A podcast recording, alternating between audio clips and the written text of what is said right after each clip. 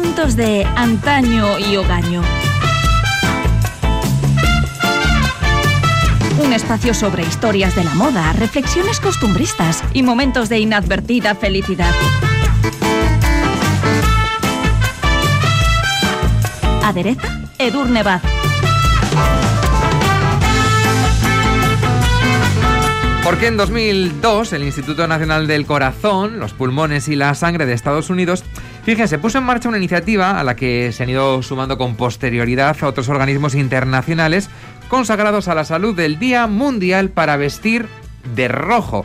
El objetivo es concienciar sobre las patologías coronarias que afectan a las mujeres. Edurne Vaz, ¿qué tal, Legunón? Legunón, muy bien. Bueno, pues tenemos el Día Mundial del Corazón que se celebra el 29 de septiembre, pero de forma paralela también tenemos este primer viernes de febrero en el que cada año todas esas personas que deseen sumarse al Día Mundial para vestir de rojo lucen prendas o complementos de este color que tiene una relevancia enorme en la historia en general y en la historia de la moda, del arte o del diseño en particular. Así que hoy, por ello, en asuntos de antaño y hogaño nos fijamos en el imbatible color rojo.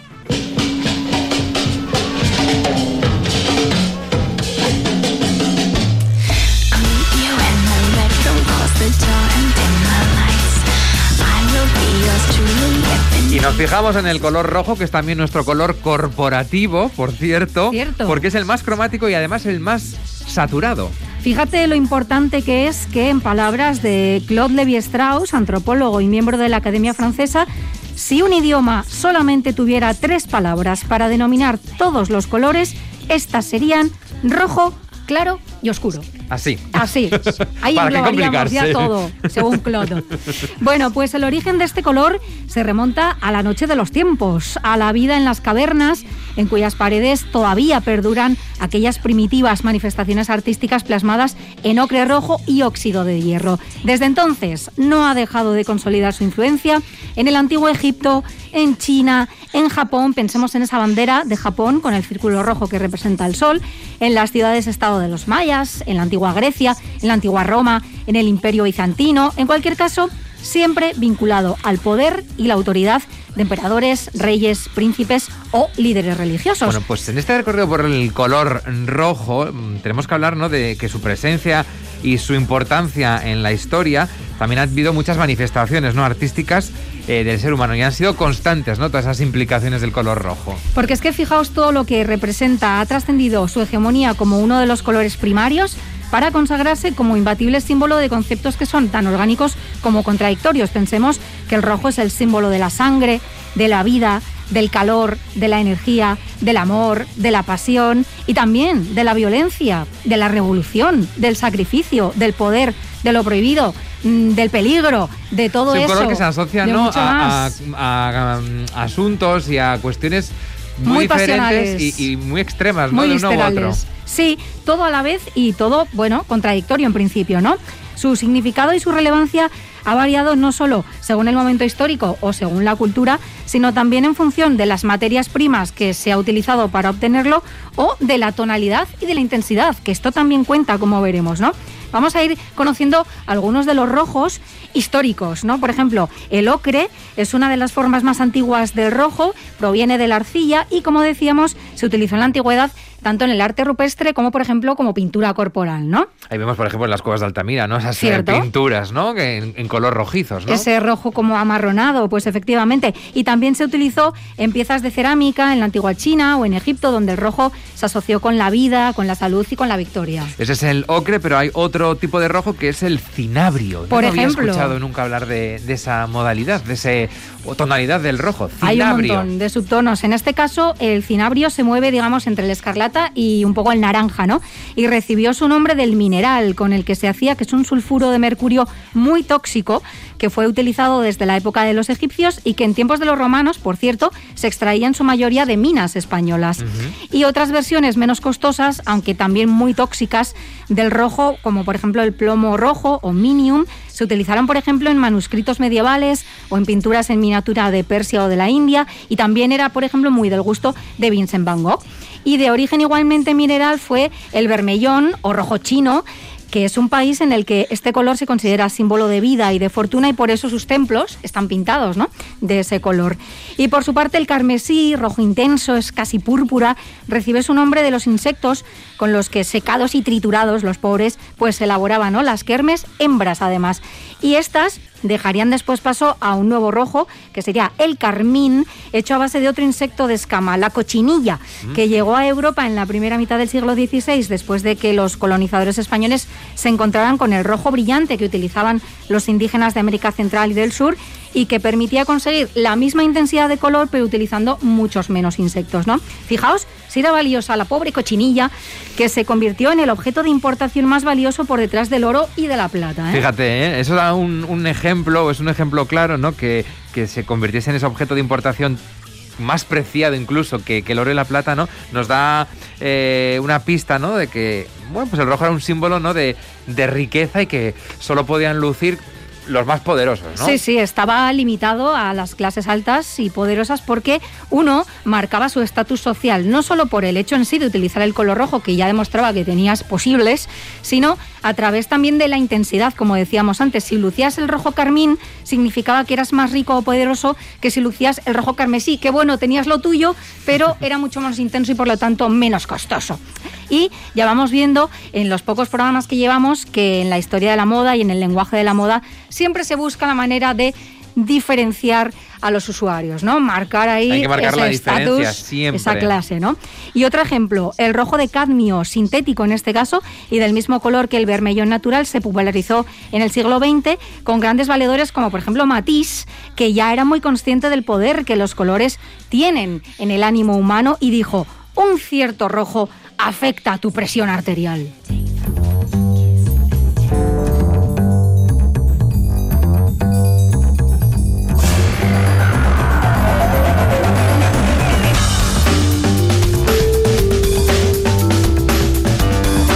En Asuntos de Antaño y Ogaño estamos haciendo un repaso sobre la importancia y la historia del color rojo.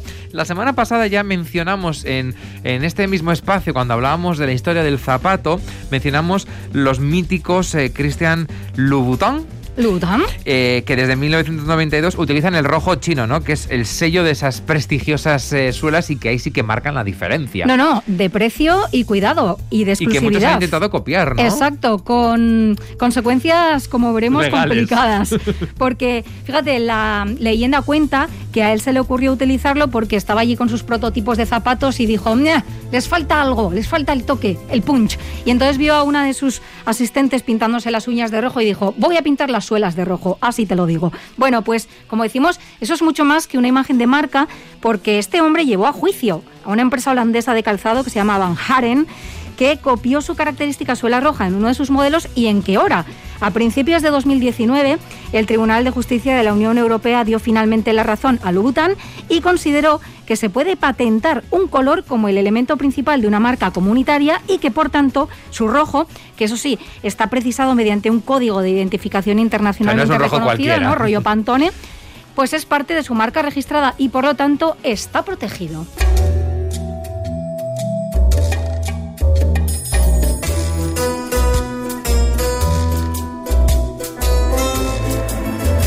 Bueno, vamos a mencionar también algunos eh, de los muchos y ambivalentes significados culturales del color rojo. Hemos dicho que tiene muchas, eh, muchos significados, muchas connotaciones, algunas incluso contradictorias.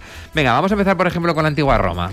Bueno, allí, por ejemplo, ya los emperadores u otras figuras socialmente relevantes eh, lo lucían así casi en exclusividad y en Europa también, por lo caro que resultaba obtenerlo, el color rojo se asoció a la aristocracia y al clero. En el caso de la Iglesia, como ya adelantábamos la semana pasada cuando hablábamos de los zapatos rojos papales, ¿no? Se asocia con la sangre de Cristo y de los mártires cristianos. Es también el color de los cardenales, es el color que utilizan también los sacerdotes durante la conmemoración de la pasión y muerte de Jesús, es el color del vino que representa la sangre de Cristo. Incluso en la pintura medieval o en la del Renacimiento, el rojo se utilizaba para atraer la atención hacia las figuras más importantes y vemos como Cristo o la Virgen María han sido pintados comúnmente con mantos rojos, por ejemplo, ¿no? Y más allá de las altas clases o del clero, también las clases medias, como por ejemplo los mercaderes o los artesanos, lo utilizaban para dejar claro que, oye, las cosas les iban bien, que tenían posibles de, también, de riqueza ¿eh? y de prosperidad. Exactamente. Incluso, claro, A su manera, las clases menos pudientes hacían lo posible por lucir el rojo, aunque fuera en días señalados, y es cierto que no era, claro, de la misma calidad, no estaba extraído de los mismos ingredientes, ni tenía la misma intensidad, ni la duración en el tiempo se quedaba descolorido, ¿no? Pero bueno, ellos también pues querían eh, lucir el rojo que era signo de estatus y de, oye, bien, ¿no? Era otro tipo de rojo, eh, porque siempre ha habido clases, ¿no? En su, en su uso. Claro, en esto como en todo, ya lo estamos viendo, ¿no? Siempre ha habido clases y siempre nos hemos encargado además de dejarlo claro y lo seguimos haciendo, por desgracia, ¿no? Pero fijaos si se le prestaba atención que en Venecia y también en otras ciudades europeas había incluso gremios de tintoreros especializados en el color rojo, en particular, que llegaron a inventarse uno propio que era el rojo veneciano, que está considerado, en, en aquel momento lo estaba, el más caro y el más exquisito de Europa, y que ahora mismo está de moda como tinte de pelo ah. por la protagonista de la serie de Netflix Gambito de Dama.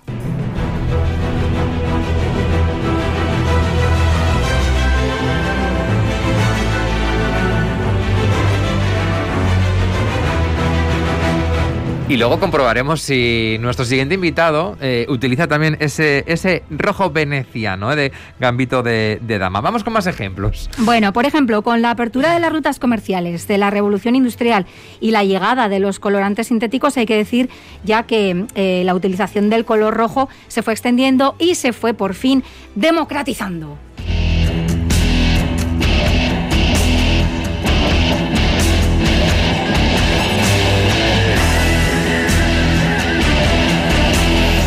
Porque hablamos también del color rojo como uno de los símbolos no, muy ligados a la revolución. Históricamente ha sido así. La Rusia soviética, por ejemplo, adoptó la bandera roja tras la revolución bolchevique de 1917, como también harían China, Vietnam y otros países comunistas. El origen está de nuevo en la antigua Roma, donde los esclavos que pasaban a ser libertos lucían en esa ceremonia de liberación un gorro píleo que reconvertido después en gorro frigio en realidad por confusión histórica, se convertiría en símbolo de la libertad y del republicanismo. Lo fue, por ejemplo, durante la independencia de Estados Unidos y la Revolución Francesa o en el siglo XIX en los escudos y banderas, si nos fijamos, de muchos países latinoamericanos que se independizaron de España o de otras potencias europeas.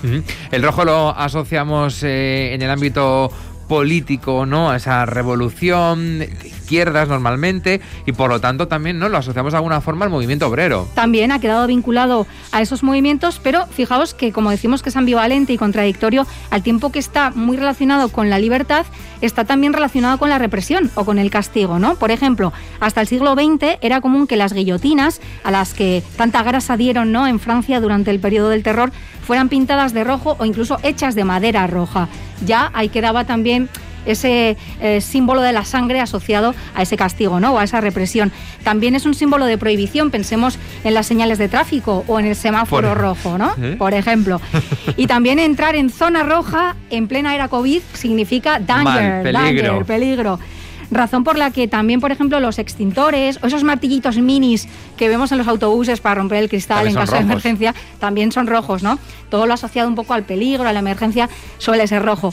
Y volviendo a significados más positivos, en muchos países asiáticos las novias utilizan prendas rojas el día de su boda, ya que es un color que se relaciona con la fertilidad y con la buena suerte, ¿no? Pero esta relación del color rojo con la fertilidad ha sido reinterpretada, por ejemplo, en las túnicas que lucen las sirvientas del cuento de la criada, esa la novela. diferenciarlas, ¿no? Ese color rojo símbolo de, fertilidad. De las este mujeres que están, en este caso, esclavizadas, digamos, para repoblar. y que son las únicas fértiles. Exactamente. Eh, bueno, pues eh, pueden... Vientres andantes, úteros andantes, ¿no? En esa novela distópica de Margaret Atwood, que también se ha llevado a la pequeña pantalla, esas mujeres son esclavas destinadas a la procreación, ¿no? Y este es el motivo de que hayamos visto ese uniforme rojo, que hemos podido ver en la serie también, en manifestaciones feministas, incluidas las marchas a favor del derecho al aborto.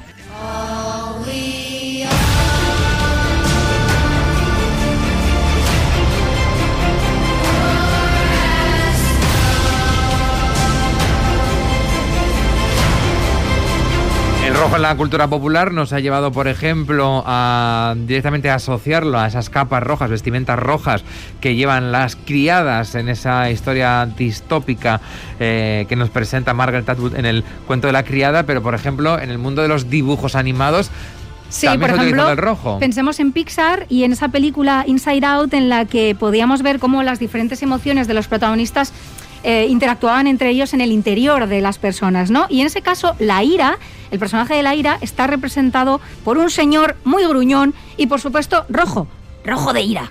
¿Quieres probar de esto, papi? Pues toma del frasco. Bueno, ahí está. Este hombre estaba siempre así, muy enfadado porque era la ira y era rojo, claro. bueno, el rojo está también asociado a la destrucción, al fuego, al mal. Pensemos en las representaciones del diablo o del propio infierno, ¿no? Todo rojo, anaranjado, caliente. Y también al pecado, amigos, como en esas luces rojas que siempre se han relacionado con la prostitución, por ejemplo, o en el Moulin Rouge, que todo él es rojo.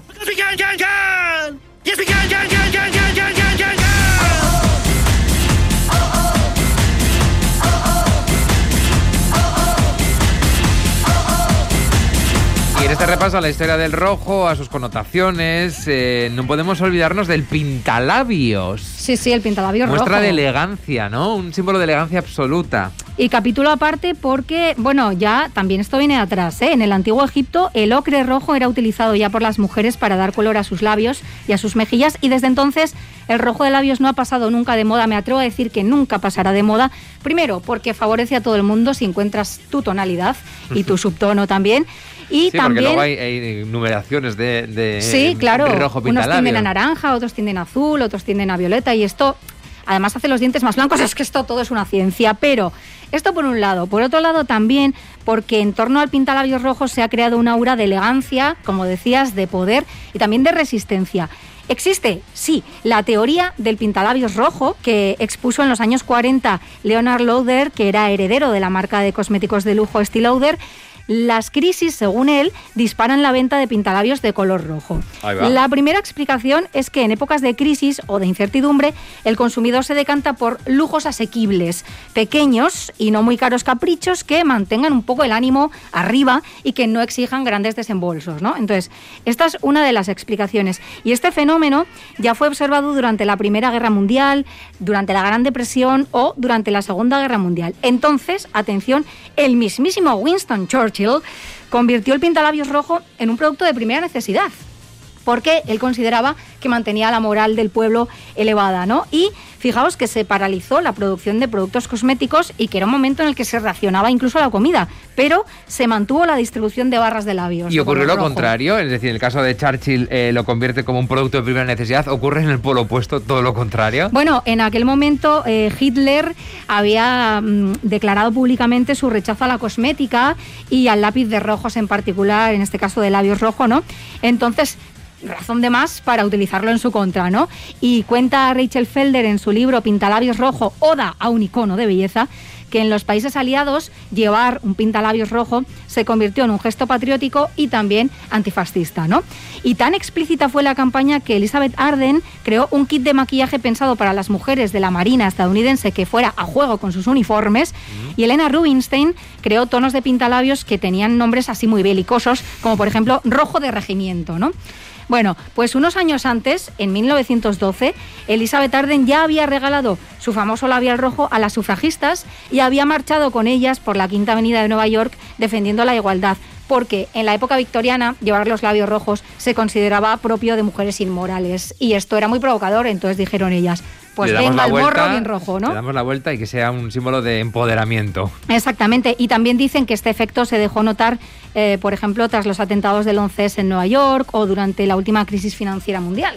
Bueno, pero, pero su efecto durante la actual crisis derivada de la COVID-19 sí cabe más difícil ¿no? de, claro. de determinar, ya que se ha colado en ella un elemento que lo cambia todo y es la mascarilla. Sí, ya nos tapa los labios y entonces eh, esta teoría del pintalabio rojo ya mm, queda ahí un poco en el aire. A lo mejor ahora el nuevo indicador económico sea la máscara de pestañas, el lápiz de ojos, no lo sé. Pero claro, en este caso hablamos de una crisis que es completamente diferente a todo lo que hemos vivido, ¿no? Pero hay que decir que esta es una teoría bastante cuestionada también, que tiene sus detractores, como no, que sostienen que no hay evidencias de todo esto y que de ningún modo se puede considerar a la barra de labios un indicador económico. Pero sea como fuere, hay una cosa que está clara, amigos y amigas. Los que seguimos pintándonos los labios por debajo de la mascarilla, somos la resistencia.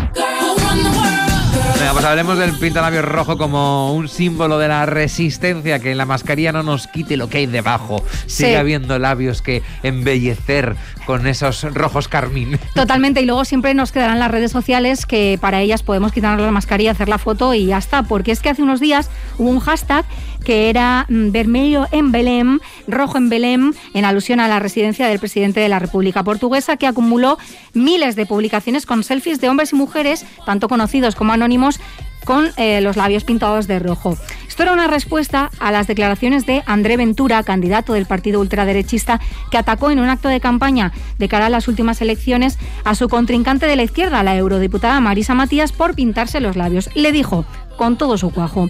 te maquillas, sí, sí, cito textual. Te maquillas como una muñeca, hablas como una niña, eres una histérica, estás por ahí por acostarte con tu novio. O sea, todo esto nos suena demasiado, pero Marisa Matías en su elegancia máxima, le dio la mejor respuesta posible en la televisión portuguesa y le dijo, el insulto que André Ventura hizo a las mujeres no dice nada de las mujeres, pero lo dice todo de este hombre.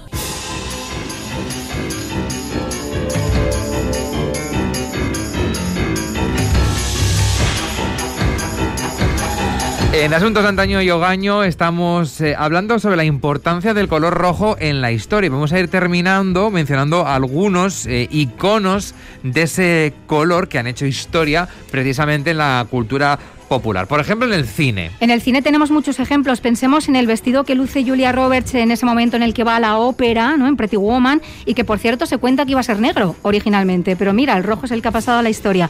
Pensemos en el vestido de Nicole Kidman en Moulin Rouge, en el vestido de Givenchy que lleva Audrey Hepburn cuando baja la escalera con ese pañuelo al viento en una cara con ángel, en la cazadora roja de James Dean en Rebelde sin causa, que también es un icono de la ¿eh? moda. Bueno, claro, en aquel momento además el vestido rojo de lentejuelas de la sensual Jessica Rabbit en quien engañó a Roger Rabbit. Yo no soy mala. Es que me han dibujado así. Y con un oh. vestido rojo, además. Claro, bueno, es que es espectacular ese dibujo animado, pero el vestido de Winona Ryder en Beetlejuice, cuya banda sonora nos acompaña y me encanta, y por supuesto de la propia Winona Ryder también, o Wainona, como dicen ahora los modernos, en su primera cita con Drácula, en la película de Francis Ford Coppola, donde también el propio conde tira de fondo de armario rojo con su armadura de caballero dragón y con su bata de cola ¿no? de aire oriental. Tenemos, por ejemplo, en lo que el viento se llevó a Escarlata O'Hara con un vestido burdeos que lleva a la fiesta de Ashley. Los zapatos de rubíes, de los que ya hablábamos la semana, pasada, ¿no? Del mago de Oz, que por cierto tendrían que haber sido plateados, según la novela original, pero mira, también los rojos han hecho historia, ¿no? Y luego, por supuesto, el vestido y los complementos rojos, incluidas bragas, de Kelly LeBrock en La Mujer de Rojo.